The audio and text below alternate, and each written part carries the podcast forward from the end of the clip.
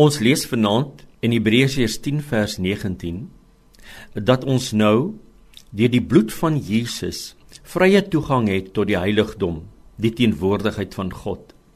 Dit is 'n nuwe en lewende weg. Die ou dinge is verby. Die ou bedeling en manier van lewe en hoe God met die mens gekommunikeer en gewerk het, is verby.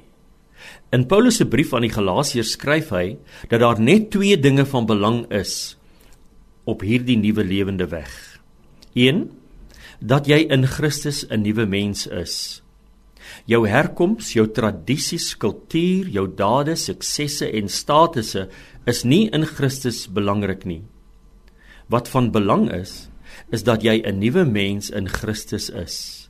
En omdat jy dan 'n nuwe mens is, nommer 2, dat jou geloof in Christus deur die liefde tot goeie dade sal oorgaan. Dat jy in afhanklikheid uit hom en deur hom en tot hom lewe en dat hy in jou en deur jou sal vrug dra. Die meeste Christene wil graag iets vir God doen in plaas van om net die mens te wees wat hy nie gemaak het om voor hom in liefde te te wees en hom te leer ken en te geniet. Ek het altyd gedink aan wat ek vir God kan doen en dan gedink aan siele wen of vir siekes te bid of om sendingwerk te doen. En dan dink ek vra hom vir gawes en talente en seën en krag. Terwyl Jesus in Johannes 15 sê dat hy ons uitget kies het en aangestel het om vrug te dra. Vrug wat sal hou.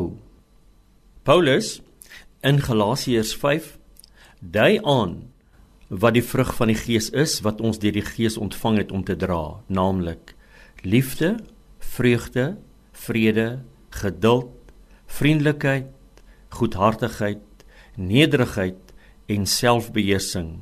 Dit is waaraan die wêreld sal sien dat ons kinders van God is.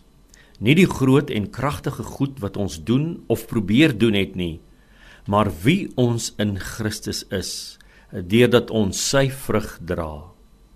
Dankie Vader dat u liefde in ons harte uitgestort is deur die Heilige Gees dat ons die vrug ontvang het van u natuur dat die wêreld kan sien dat ons vrug van u liefde dra.